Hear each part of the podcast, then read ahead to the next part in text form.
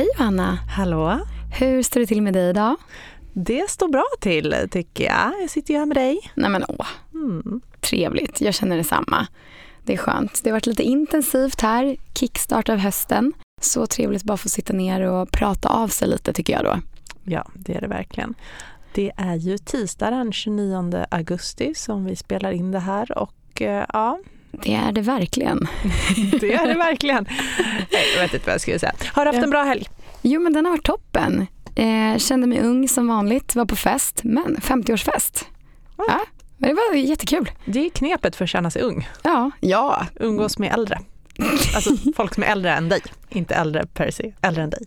Precis. Äh, men det var trevligt ute på en ö här i skärgården.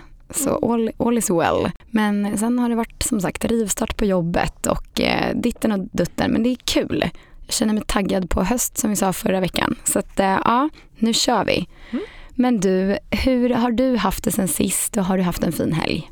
Jag har en jättefin helg. Haft kräftskiva i, i området med grannarna. Just det, så det såg sjukt trevligt ut. Ja, det var väldigt, väldigt mysigt. Apropå mood managers, Ja, självklart kvinnoårsmånade. Självklart.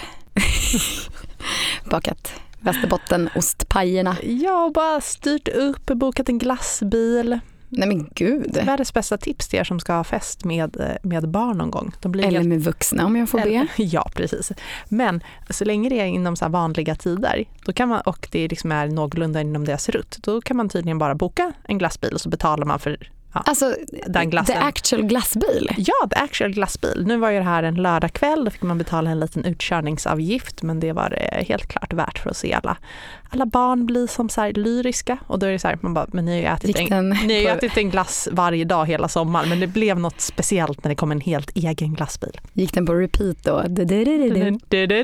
Jajamän. Men vad härligt, det låter ju episkt. Mm. Men du, kräftor, Mm. det är gott men vilket jobb det är. Gör det mycket jobb för lite mat och sen efteråt känner man sig nästan lite så uh, när man ser spadet och klav, alltså kl- Det är mycket skräp det blir Mm. liksom. Och sen så vill man ju pricka in då så att man äter, om man bor i hus tänker jag, eller för den delen lägenhet också, inte äta kräftor eller skaldjur precis dagen efter det varit sophämtning. det gjorde vi. Det är Ja. två, två lördags så att det blir fredag om två veckor. Ah, nice. Då vet jag att jag inte ska åka ut till orten. Just det, vi ska ju ses på fredag. Jajamän. Okej. Ja, ja. Ja men vad härligt Johanna, men vi ska dra lite nyheter här sen sist. Det händer ju mycket i världen fortsatt och sen så tänkte vi prata om en del hållbarhet igen. Men bara till att börja med, så, som vi pratade om, jag tycker att man dyker på massa nyheter nu när det ändå är lite krispig stämning på börsen. Tips om hur man kan spara och hur man kan vara bra och det kan göra att man får, tycker jag, lite ångest för att man själv känner så här, men vad fan, det är inte så lätt. Och jag läste en skön ledare i, om det var Värmlands Dagblad som hade uttryckt sig just så, att eh, men jag kanske inte vill få upp i facet att så här, vad var det här då? Eh, SVT som drog William 25 år som Hans mål är att spara 15 miljoner och han berättar hur han sparar pengar nu. Jo, nej, men det är ju då att lägga undan 25 000 i månaden för att han får bo gratis i sina föräldrars sommarställe.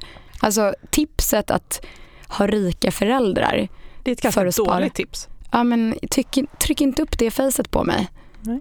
Jag tycker man måste ha respekt för också, alltså, till alla er som lyssnar, nej, men också att man faktiskt lyfter det att det kanske inte är så lätt och alla kanske inte har möjlighet nu. Många kanske till och med tar från sitt sparkapital för att kunna betala sina räkningar nu.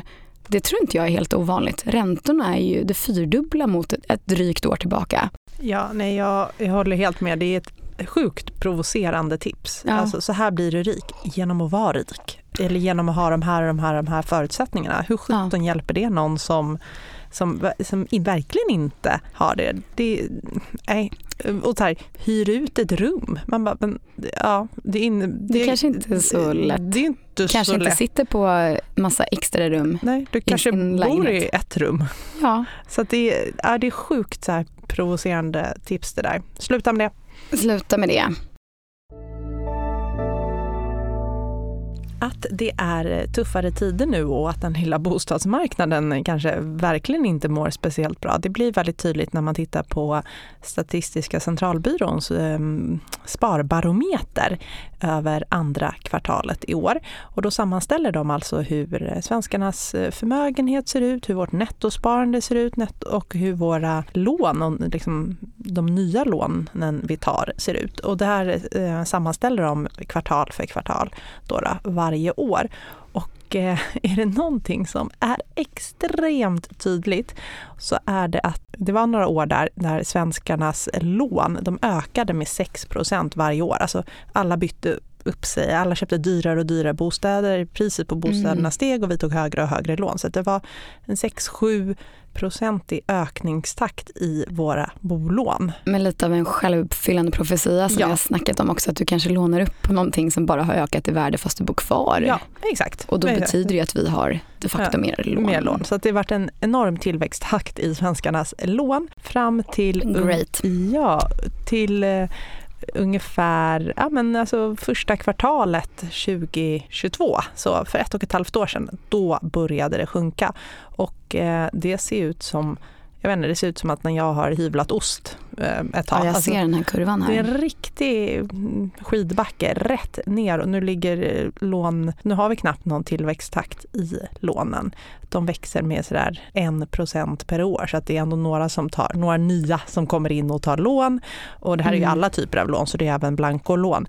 Men i hushållslån så är det, ja, det, det är tvärbroms, tvär nit och det ser man väl också om man tittar på antalet försäljningar och så, så har ju de gått ner väldigt, väldigt mycket. Så många säger det omsätts inte så mycket. Det omsätts ju inte så mycket för om du inte måste flytta så flyttar du inte nu. Så vad vill jag säga med det? Ja men grattis till er som ska ut och köpa bostad nu. För att eh, den här statistiken och all mm. annan statistik ljuger ju inte. Det är ju verkligen mycket mer köparnas marknad idag ja. än vad det har varit på många, många år. Nej men för tolkar jag den här kurvan rätt, så om man tittar tillbaka, det var ju nästan uppemot eh, 100 miljarder då, där i slutet av 2021 va, mm. som lånades ut. Alltså ja, ytter, ytter, en ökning varje, ja. Eller ja. Och så tittar man på om det var första kvartalet i år, inte ens 10. Nej, inte ens 10. Andra kvartalet inte ens 20 omkring 15 miljarder. Wow. Ja, det, är en inbromsning. Det är en jätteinbromsning och det finns väl ingenting som tyder på att den här kommer ta fart igen i någon eh, slags eh, närtid. Eh, vi hade ju till exempel igår så var ju Ja, men Martin Flodén då som tidigare gjort sig känd för att vara lite mer duvaktig, det vill säga inte någon som skriker efter högre räntor direkt utan varit en av dem i Riksbanksdirektionen som... Vice Riksbanks... Ja, han är vice riksbankschef men han är eh, en av dem som röstar i direktionen. Då. Han sa ju då att ja, det går åt rätt håll med inflationen men det är en bra bit kvar och penningpolitiken behöver med all sannolikhet vara åtstramande under en ganska lång tid framöver. Eh, han var inte så mycket mer specifik än så. En ganska lång tid framöver, vad, vad är det? Men eh, inflationen, framförallt service och tjänsteinflationen menar mm. de är fortfarande alldeles, alldeles för hög och den här um, svaga kronan som vi har, den är ett problem. Så att ganska lång tid framöver en åtstramande penningpolitik och så får ni tolka, tolka fritt. Precis, hur länge? Nej men Johanna, vi var ju precis och lyssnade på en kollega som drog lite kring makroläget och eh, han sa, ni ser på staplarna, det var väl tillbaka sedan eh, 70-80-talet. I en sån här period, räntorna har aldrig ljugit. Om det är den långåriga tioårsräntan och tvåårsräntan, den visar på att det kommer en recession. Och det är ju alltså lågkonjunktur. Men det är ju ingen som har en kristallkula. Vi kanske är ett nytt läge. Låt oss hoppas. Ja, och några som eh, förmodligen har en ljus framtid framför sig, det är om vi har några i den här podden som är ingenjörer eller som i alla fall jobbar inom bilindustrin, gruvindustrin eller batteriindustrin. Jag hoppas att det är någon i en gruva ja, som det, lyssnar på oss. Jag hoppas också att det är någon i en gruva. För att samtidigt som den svenska ekonomin är konjunkturkänslig så genererar ju den idag redan ungefär 800 000 jobb direkt och indirekt. Och det här ser ut att öka med minst 50 000 nya jobb följt av den gröna omställningen. Den slutsatsen drar organisationen Teknikföretagen och Industriarbetsgivarna. Mm -hmm. Och de ser tre huvudsakliga branscher. Så det här, om du ska skola om dig lite Okej, okay, ja. Då... Jag får en liten passus. Jag såg att vad kommer AI ta över snart? Banktjänstemän? Ja, men när AI kickar ut oss, då ska vi satsa på att få jobb inom batteritillverkning, där man tror att den gröna omställningen kommer generera drygt 28 000 nya jobb. Eller inom gruvindustrin, där man tror att det kommer öka med 12 000 nya jobb. Eller elektrifieringen av bilindustrin som ska ge 9 000 nya jobb. Det Så låter som att vi måste upp till Sundsvall och Boden och våra goingar H2 Green Steel och Northvolt och Hybrid och så vidare. Precis, och det säger de ju. Att man, jag såg någon rubrik, den gröna omställningen hotas av att inga flyttar upp ja. till... Det, det, det, de behöver så mycket mer personal uppe i Boden, Kiruna och allt. Och inte bara då till gruvan eller till batteritillverkning eller vad, Nej, vad det kan vara. Utan man behöver liksom eh, frisörer, frisörer förskolepersonal, hemtjänstpersonal, mm. tandläkare, ja, you name it. Ja, det... Så vi ska både skola om oss och flytta. Så kallt bara. Mm. Och apropå just batteritillverkning så avslutades idag rättegången mot batteritillverkaren Northvolt som åtalas för brott mot utlämningslagen, eller utlämningslagen ska jag säga. Eh, och det handlar ju om den batter batterifabrik de håller på mm. att eh, bygga och där så, är, där så menar ju åt, åklagaren då att underleverantörers personal i den här eller byggandet av fabriken, där har det funnits personal som antingen inte har uppehållstillstånd i Sverige och även personal som har uppehållstillstånd men som inte har arbetstillstånd som då har arbetat vid bygget av den här fabriken. Aj, Northvolt aj. menar ju att det är inte de som har brutit utan det är de här underleverantörerna som har brutit. Mm. Eh, så vi får väl se vad rättegången kommer fram till där. Men det jag konstaterar det är att i, i den här hela regelverksbonanzan som kommer från EU. Så, så bort, jag kan inget om juridik och eh, åtal och sånt, men rent generellt sett så kommer det komma utökade krav på bolag från och med mm. nästa år att vi måste ta mycket större ansvar över hela vår värdekedja. Så ur ett rent hållbarhetsrapporteringsperspektiv så, så bryr man sig inte så mycket om det är underleverantörer eller inte utan som bolag har man ansvar för sin, hur ens produkt och tjänst påverkar allting i värdekedjan, både ja, liksom nedströms och uppströms. Ja men det är väl bra, för annars, vem ska kontrollera de där underleverantörerna annars? Ja. Det är väl jätterimligt. En liten fortsättning på, nu när vi ändå pratar Norrland då, så såg jag, fiskade upp en liten DI här nere i receptionen och eh, ser bara en liten notis om eh, att bolagen kan få betala för Malmbanan. Konflikten mellan LKAB och H2 Green Steel grundar sig i Malmbanans kapacitet. Nu säger Trafikverkets regiondirektör att delar av kostnaden för en utbyggnad kan få hamna på storbolagen. Så ja, vi får väl se om de kommer att eh, ta på sig den kostnaden och bygga ut den där eller om det kommer ges något bidrag, vem vet. Fondmami. Ja? Jag har en fråga till dig. Ja, varsågod. Ja, det här med utdelande fond. Eller vi, mm. vi kan börja någon annanstans. Men jag fick idag frågan, vad är skillnaden mellan Handelsbanken Global Indexkriteria AI eller global indexkriteria B1, inte AI. A1 eller B1. Så alltså exakt samma namn förutom en liten mm. sifferkombination där eh, på slutet. A1 eller B1. Ja. Och då hade jag en misstanke mm. att det handlade om att det var sådana här olika andelsklasser som det så snyggt heter. Och Stämmer. att en var utdelande och den andra inte. Men jag hittade bara den informationen sen när jag gick in i de olika fondfaktabladen. För då stod det på den här B1 att det var en utdelande ah. fond. Det stod inte på om fonden och det, Nej.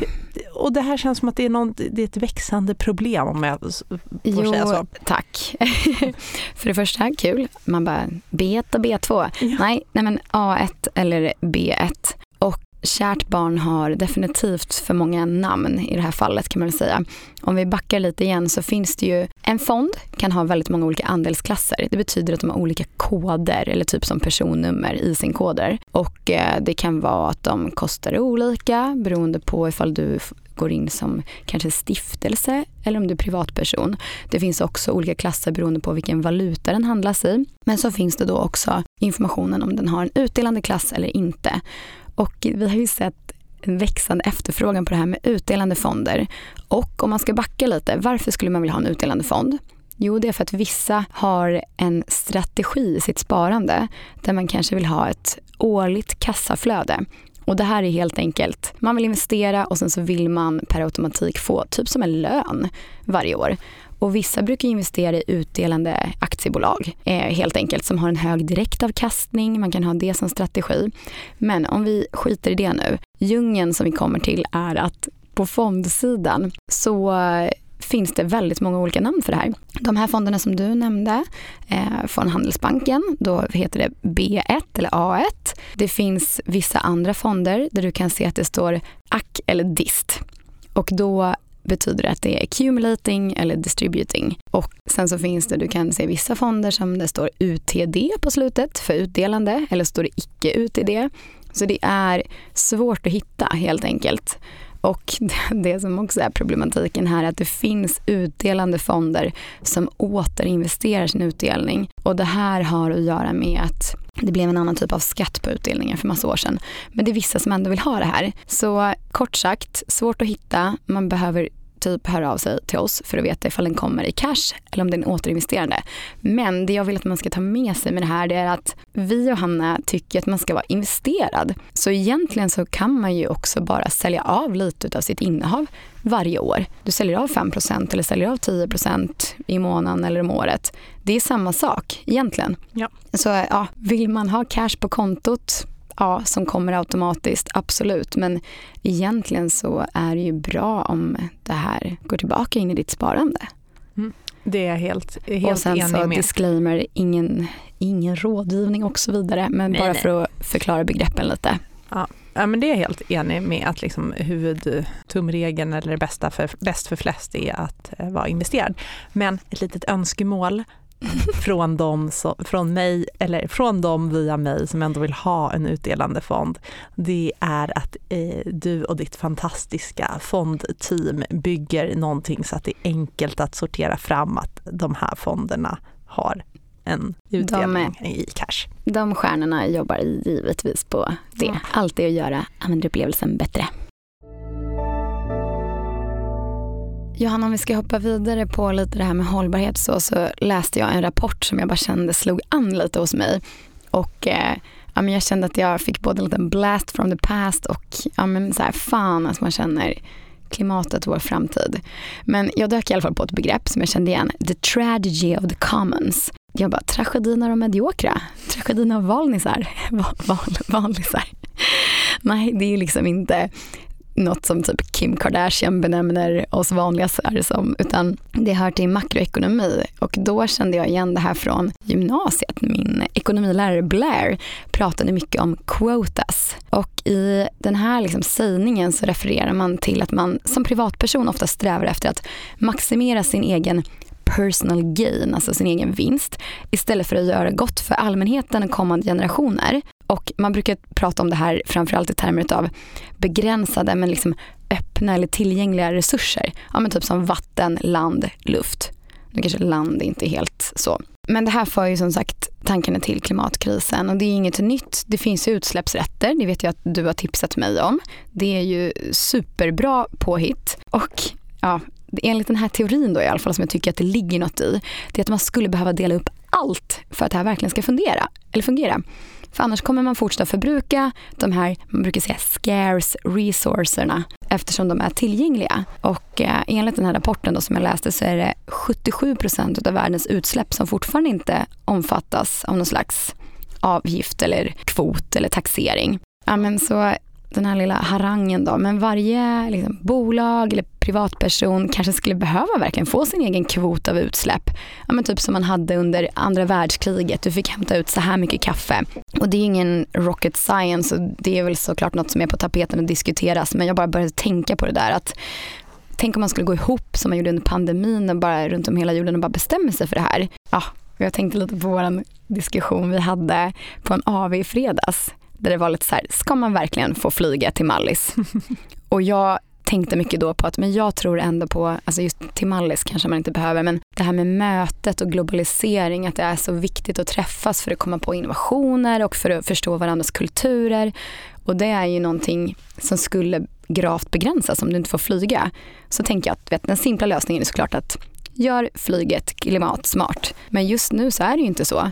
Och just nu så kan ju alla förbruka mycket mer än vad man bör. Och eh, ja, men så här, vi i västvärlden har ju förbrukat väldigt mycket sedan industrialisationen. Industrialisation, industrialisationen. Industriella revolutionen. ja, och nu när andra länder börjar komma ikapp, jag tänker på så här, Kina, Indien, alltså Latinamerika och allting. Och i takt med att de får en ökad standard och konsumerar eh, så förbrukar ju vi som planet i mycket snabbare takt världens resurser. Och vilka är vi egentligen att begränsa några som äntligen har kommit ikapp? Det är inte så jävla eh, ödmjukt eller sympatiskt. Men eh, jag läste då också att just idag förbrukar vi resurser som är 1,75 gånger snabbare än vad vårt ekosystem kan regenerate, alltså hur de kan återuppbygga dem. Och 2050, när vi förväntas vara 10 miljarder på den här planeten, så kommer vi behöva tre jordglober för att ta hand om den förbrukningen av resurser som vi då har vant oss vid om vi ska köra på exakt samma takt. Så det är ju ganska snart. Och det här som vi pratade om förra veckan, Fit for 55, det låter som lite av ett för basic träningsprogram och vi kanske skulle behöva köra det här 16 weeks of hell. Jajamän. Nej, men det är ju svårt, så här, hur optimerar man resursförbrukningen och ekonomisk tillväxt så att de här länderna ändå får utvecklas och för den delen vi fortsätta utvecklas. Ja, hur gör man det? Och bara en avslutande lite ord i den här rapporten som jag läste då, så det var väldigt många referenser, för det var en då, eh, internationell rapport, till svenska studier och till svenska forskare. Så det känns ändå fint att någonting kommer ju här från oss och det är väl därför vi pratar så mycket om det här och även om man inte har svaren så det finns ju i alla fall en ganska stor insikt och förståelse Okej, harang över. Dags för nästa harang då. Ja. För att jag tror, på det, apropå det du pratade om nu, så förbrukar vi ju alldeles för mycket. Vi, vi släpper ut och det är liksom ingen riktigt som betalar priset för det här. Men mycket skulle ju kunna lösas, nu låter det väldigt enkelt, om man betalade det, det faktiska priset. Om man får mm. stå för den samhällskostnad som utsläppen leder till. Om man hade ett pris på koldioxid, ett globalt ja. pris på koldioxid. Liksom inga, inte kvoter. Ja, som man har på olja liksom. Ja, men inte kvoter utan bara att man lägger på det fakt vad, vad är det faktiska priset? Du får betala mm. för det du förstör. Och då så är det, har det kommit en global studie som visar att ett globalt pris på koldioxid det skulle slå så hårt mot många företags ekonomi. Eh, det här är en, en, eh, en studie som är publicerad i vetenskapliga tidningen Science och där kommer de fram till att nästan hälften, 44 procent av vinsten i ett bolag skulle ätas upp om företaget skulle behöva stå för den samhällskostnad som deras utsläpp, utsläpp leder till. Alltså 44 mm. procent är ett genomsnitt, det genomsnittliga bolaget. Då. Det vill säga, hade du haft eh, de här utsläppsrätterna på allting i hela världen och de ja. hade faktiskt varit mycket högre, alltså kostnaden för, per utsläppsrätt hade varit mycket högre än vad den är idag. Inga subventioner, mm. ingenting, utan du betalar för det faktiska. 44 procent av vinsten skulle wipas det tror jag skulle få många bolag att ställa om ännu snabbare. För då skulle de ekonomiska incitamenten eh, ja. bli som så att, att man måste göra någonting åt sin ja. produkt eller eh, tjänst. Och de här forskarna då, de kartlade ju 15 000 företag världen över och de satte ett pris på koldioxid på 190 US-dollar, eh, motsvarande 2090 kronor per ton. Eh, men många menar ju att det är snarare kanske 250-290 okay. dollar per ton som man faktiskt eh, ska, ska sätta för att, för att få med hela den kostnad eh, som ett ton koldioxid står för. Och det här skiljer sig såklart mellan olika branscher. I mer utsläppstunga branscher som energi och transportsektorn, då skulle mer än, mer än hälften av vinsten ätas upp mm. om man la på kostnaden från utsläppen. Och ska sägas, här har de också tagit med utsläppen från företaget, enbart tagit med utsläppen från företagens egna verksamheter. Man har inte räknat med leveran ja, leverantörsleden. Nej, okay. precis. Men det är klart, om det skulle gälla alla så skulle ju alla, även underleverantörerna, ja. så då, då blir det ju så här, i det här hypotetiska dröm, drömscenariot. Då, då. Och eh, det de ser också är att den högsta kostnaden för samhället, eh, den, den, står, den kommer från företagens utsläpp i Ryssland och Indonesien. Ja, det känns ju lätt att få med dem på tåget.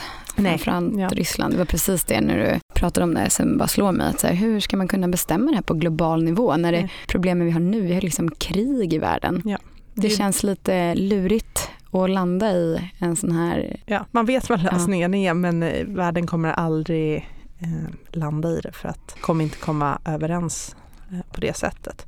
Men det jag försöker tänka så här, bara, hur ska jag ta det här till mina egna investeringar, det är att så här, om, jag, om jag investerar i specifikt då i aktier, då, enskilda bolag, då vill jag ändå tänka igenom både en och två gånger vad har det här bolaget för impact? Vad har han för positiv impact på världen och vad har han för negativ påverkan mm. eh, på världen. Och jag tycker att det är ganska bra att gå in på bolags Investor Relations sida. Man skriver bolagsnamnet och sen bara IR, så kommer, eller mm. Investor Relations, så hittar man det på Google. Och då kan man gå in och läsa allt möjligt om bolagen, om deras eh, finansiella rapporter och nyheter och så, men också brukar de flesta bolag skriva om sitt, sitt hållbarhetsarbete där och så kan man ofta se så här, presenterar de sina utsläpp, sina direkt, ja. alltså hur mäter de dem? Och man, man hittar ofta ganska mycket material där. Men det vill ju till då att man också tittar på lite andra bolag och alltså, man måste ju ha någonting att jämföra med. Och ja, man. Vad är högt, vad är, vad är lågt? Vad är, högt, vad är lågt? Vad är en bra mm. förändringstakt? Mm. Ja,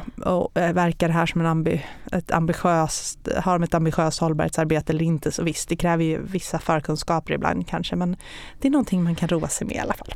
Men gud vad bra. Men om man då kanske som jag inte orkar roa sig med det, nej men då kan man ju faktiskt ta genvägen och investera i fonder och som vi har pratat om, det som kallas för artikel 9-fonder, mörkgröna fonder eller på Avanzas plattform så heter det eh, beaktar hållbarhet. Mm. Ja. Mm. Hållbarhetsfokus. Ja. Hållbarhetsfokus, ja. Ja, men precis, för då får man ju också en spridning och en eh, bra portfölj helt ja. enkelt och bolag som har ett hållbarhetsarbete som fokus och mål i fonden. Ja, och man har 115 fonder att välja mellan i dagsläget där så att det, finns mm. ett, det börjar komma en bra spridning även där. Och de har ju ett av FNs hållbarhets mål som fokus, ja, minst, minst ett. ett. Det kan vara många. Och inte betydande skada på något annat. Just det. Okej Johanna, då var det dags att wrap it up även den här gången. Och eh, nej, men, om man ska ta med sig någonting så tänker jag ändå på det här medskicket. Det är också till mig själv. Var inte så hård. Det är fan tuffa tider och eh, man kanske behöver ta från sina sparpengar för att ens få saker och ting att gå runt. Och de här nyheterna som man får i fejset om bra tips på att det är toppen att vara rik för att spara pengar. Det kan man ju inte ta åt sig av. Så kämpa på där ute. Och ja, utdelande fonder, det är inte lätt att hitta. Nej. Men man kan väl fundera på, vill man verkligen ha ett cashflow och likviditet eller vill man ha sina pengar investerade? Ja, för de allra, allra flesta är det förmodligen pengar investerade. Faktiskt. Och så har vi det här med klimatet och att ja, en liten sådär, vi förbrukar mer än vad vi gör, det vet vi redan. Det finns utsläppsrätter, eh, man kan gå in och titta på en akties IR-sidor och titta på mätetal som du gör Johanna och titta i hållbarhetsrapporter och siffror. Eller bara ta den enkla och förmodligen bättre vägen i många fall att välja fonder med hållbarhetsfokus. Ja, om det är det man känner att man, om, om man uttalat är ute efter hållbara fonder. Så är det. Så sant som det var sagt. Men eh, då får vi tacka för idag och så hörs vi igen nästa vecka. Det gör vi. Ha det gott! Ha det bra, hej!